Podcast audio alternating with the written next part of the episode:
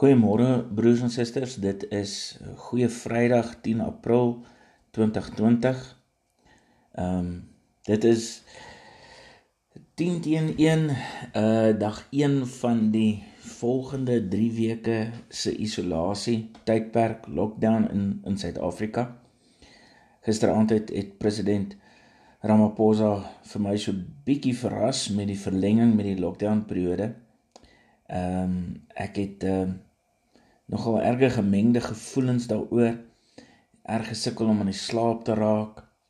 En ehm um, ja, my hart is is is is gemeng in die mekaar in my kop en en al die dinge. En ehm um, veral na na gistermiddag, gisteraand se se nagmaal. En uh en dalk 'n goeie idee dat ons dan vanoggend stil word vir ons Here en saam bid. Ons almagtige Drie-enige God. Ons wil dankie sê dat ons die voorreg het om vanoggend as Lukof en Koffiefontein en 'n klomp ander mense, gemeentes reg oor die land en ook in die wêreld wat na hierdie podcast luister, na hierdie boodskap luister, voorreg het om saam te kan lees uit die Bybel uit, saam te kan bid.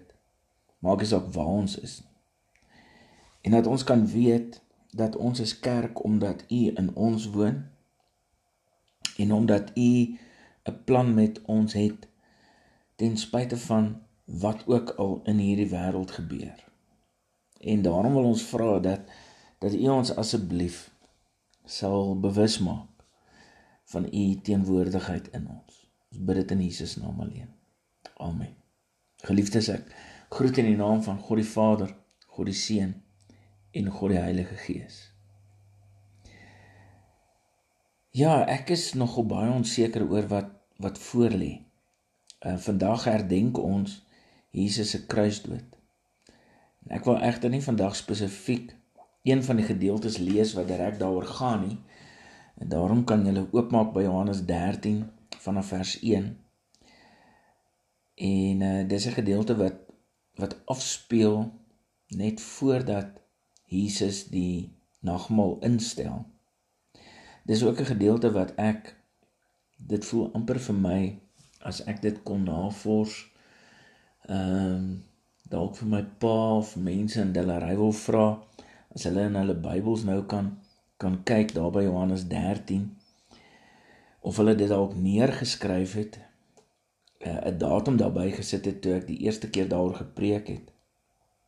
En ehm uh, ek dit voel vir my ek moes baie vroeg in my bediening het ek het ek al oor Johannes 13 hierdie spesifieke gedeelte waar Jesus die disippels se voete was gepreek het en wat dit al vir my so lank 'n 'n persoonlike openbaring is van hoe Jesus dit hier doen en hoe Jesus dit benader.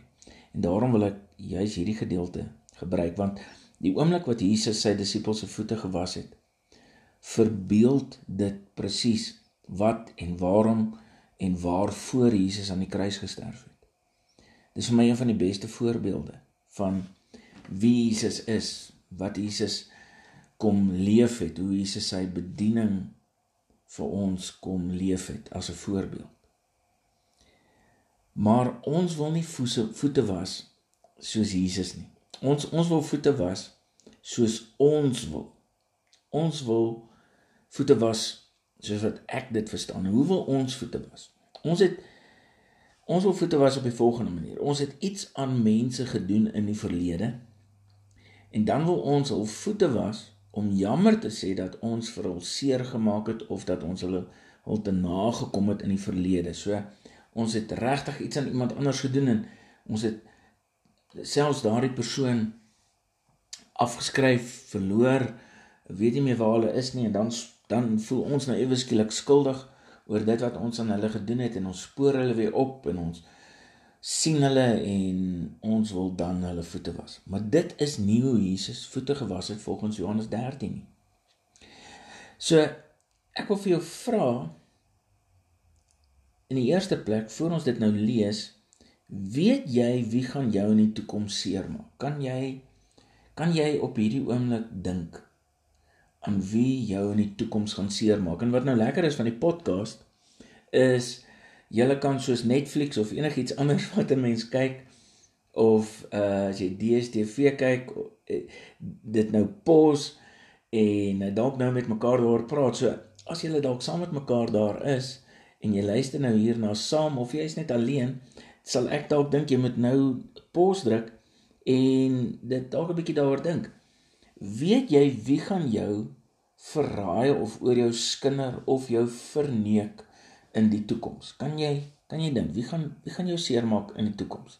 Dit kan letterlik enigiemand wees. So skryf dit neer wie jy dink. Jy gaan nou baie spesifiek wees. Jy vermoed dalk daar is iemand wat ehm um, jou gaan verraai in die toekoms. Jy kry dalk daai shaky gevoel van iemand, né? Nee, ehm um, ons almal het mos al daai gevoelens oor iemand gekry wanneer ons met hulle te doen het. Hierdie hierdie ou, hierdie persoon. Hmm, was iets nie lekker nie. Wie gaan jou verraai in die toekoms? Skryf dalk die naam nou neer. En dan kan ons saam lees in Johannes 13 vanaf vers 1. Voor die viering van die Paasfees het Johannes reeds geweet, het ag, ekskuus tog, het Jesus reeds geweet dat die tyd vir hom gekom het om van hierdie wêreld af na die Vader oor te gaan. Hy het sy eie mense wat in die wêreld is liefgehad. Hy het hulle tot die uiterste toe liefgehad. Jesus en sy disippels was aan die tafel. Dit sê vers 2. En dan, so hulle sit nou hier aan die tafel, gereed om die nagmaal te vier, En dan staan daar verder in vers 2: Die duiwel het toe al klaar vir Judas seun van Simon Iskariot op die gedagte gebring om Jesus te verraai. So hier sit hulle klaar aan die tafel. Jesus het geweet wat lê vir hulle voor, wat lê vir hom voor, wat gaan alles daardie aand gebeur. En Jesus het reeds geweet dat Judas hom gaan verraai. Net 'n bietjie verder as jy in vers 11 lees. Jesus het geweet wie hom sou verraai, daarom het hy gesê julle is nie almal skoon nie. So Jesus het presies geweet en ek dink nie dit gaan hier presies net oor oor oor Judas nie. Ek dink dit gaan hier oor en ons weet dit mos ook. Ons het dit ons het dit gisteraand ook gelees in Matteus 26 dat Jesus het voor die tyd reeds geweet dat die disippels aan die slaap gaan raak in Getsemane dat hulle almal gaan weghardloop uit bangheid uit. Dat dat uit reeds geweet dat Petrus hom gaan verraai en gaan verloon. Hy het dit alles reeds geweet. So hulle sit hier aan die pasga tafel uh Jesus gereed om die nagmaal vir die eerste keer in te stel. En hy weet dit goed. Hy weet wie die mense is wat hom gaan verraai. Hy weet En dan in vers 4 staan daar: "Toe het hy van die tafel af opgestaan, sy boekleed uitgetrek, handdoek gevat en hom vasgemaak en dan die baie bekende waarop ons die meeste van die tyd die klem lê.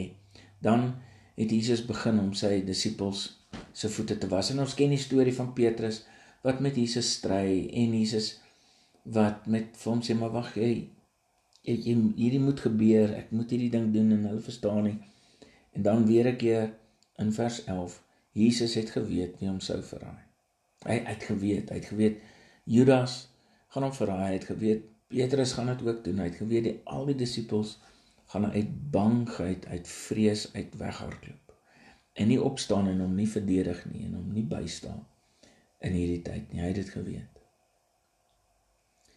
En dan in vers 12, toe hy hulle voete klaar gewas het en sy boekleed aangetrek het, en weer aangesit het sê vir julle verstaan julle wat ek vir julle gedoen het? Julle noem my julle leermeester en Here en julle is reg want ek is dit. As ek wat julle Here en julle leermeester is dan julle voete gewas het behoort julle ook mekaar se voete te was. Ek het vir julle 'n voorbeeld gestel. En soos ek vir julle gedoen het moet julle ook doen.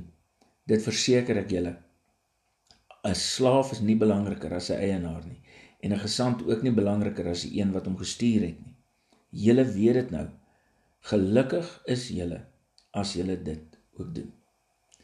En dis vir my Elke keer as ek as ek hierdie gedeelte lees en daaroor preek en daaroor dink, dan dan uh, verstom dit my want want ons verstaan nog steeds nie wat Jesus hier vir ons almal gedoen het. Ons ons sê Jesus is die verlosser, ons sê hy is God, ons sê hy is ons leermeester. En en en hy sê ons is reg, ons is dit. Maar die ding is, ons moenie net aanhou sê wat hy sê nie. Ons moet begin doen wat hy doen. En hy wat ons leermeester is, wat die gestalte van 'n slaaf aanneem, want dis wat dit was die slawe se werk, selfs die laagste van die slawe. Dit was hulle werk gewees om iemand se voete te was. Dit was 'n gaga werk. Dit was sleg. En dit is wat Jesus, die leermeester kom doen en hy probeer dit vir hulle verduidelik dat dat ek gaan vir julle aan die kruis sterf. Ek gaan nog meer doen as wat julle dink nou erg is. Ek gaan vir julle aan die vloekhout sterf. Ek gaan vir julle sterf aan 'n kruis om vir julle te wys hoe lief ek julle is. Ek gaan vir julle nog 'n groter voorbeeld van liefde stel. En dis wat hy plus minus 2000 jaar terug op hierdie dag vir jou en my gedoen het om aan die kruis te sterf vir ons. En die voete was was al reeds 'n voorbeeld daarvan van Jesus se opofferende liefde om te sê kom ek wys vir jou hoe lief is ek vir jou. Ek offer myself op. Al weet ek wat jy gaan doen in die toekoms. Al weet ek jy gaan my verraai. Jy gaan weghardloop uit vrees uit. Jy gaan my verloon. Al weet ek al hierdie goed, al weet ek jy gaan my seermaak in die toekoms. Al weet ek jy gaan oor my skinder in die toekoms, neem ek vandag 'n besluit om jou steeds lief te hê. Dis onvoorwaardelike liefde. Nee, ek wag eers voordat ek iets aan jou verkeerd gedoen het en ek in die toekoms berou gekry het en dan besluit ek ek kom vir jou jammer sê en ek wil vir jou wys hoe jammer ek is oor dit wat ek in die verlede aan jou gedoen het. Nou was ek jou voete te nee. Die voete was is as ware profeties. My voete was is om te sê kom ek wys vir jou hoe lief ek jou het. Maak nie saak wat jy in die toekoms gaan doen nie. Ek beloof vir jou dat ek jou bly gaan lief hê. Gaan nie ophou nie. Maak nou hierdie belofte aan jou. Maak nie saak wat jy gaan doen in die toekoms nie. Ek vergewe jou sommer nou. Ek vergewe jou nou vir wat ook al jy aan die toekoms gaan doen.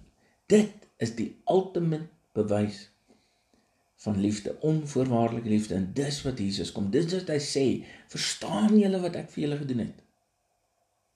Hy sê dan in vers 14 se tweede gedeelte en verder behoort soos ek julle voete gewas het, behoort julle ook mekaar se voete te was. Ek het vir julle 'n voorbeeld gestel. En soos wat ek vir julle gedoen het, moet julle nou ook doen. Vers 17 sê: "Julle weet dit nou.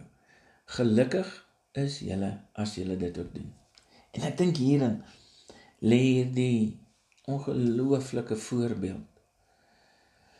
sien want ons kan persoonlik ek ek mens kan ek kan so vasgevang word om te bekommerd te wees oor die toekoms en ek het dit nou gisterand op weer ervaar na president Ramaphosa met ons gepraat het.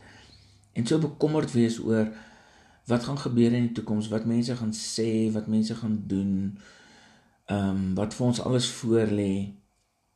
En dan besef ek net dat ek het nie beheer oor wat ander mense gaan sê of doen en of ander mense my of ander mense gaan seermaak in die toekoms nie. Ek het nie beheer daaroor nie. Wat ek wel beheer het en wat Jesus se voorbeeld vra wanneer hy die disippels se voete gewas het, wanneer hy vir ons aan die kruis gesterf het, is dat ek Maak nie saak wat wie ook al in die toekoms aan my of aan my geliefdes gaan doen nie.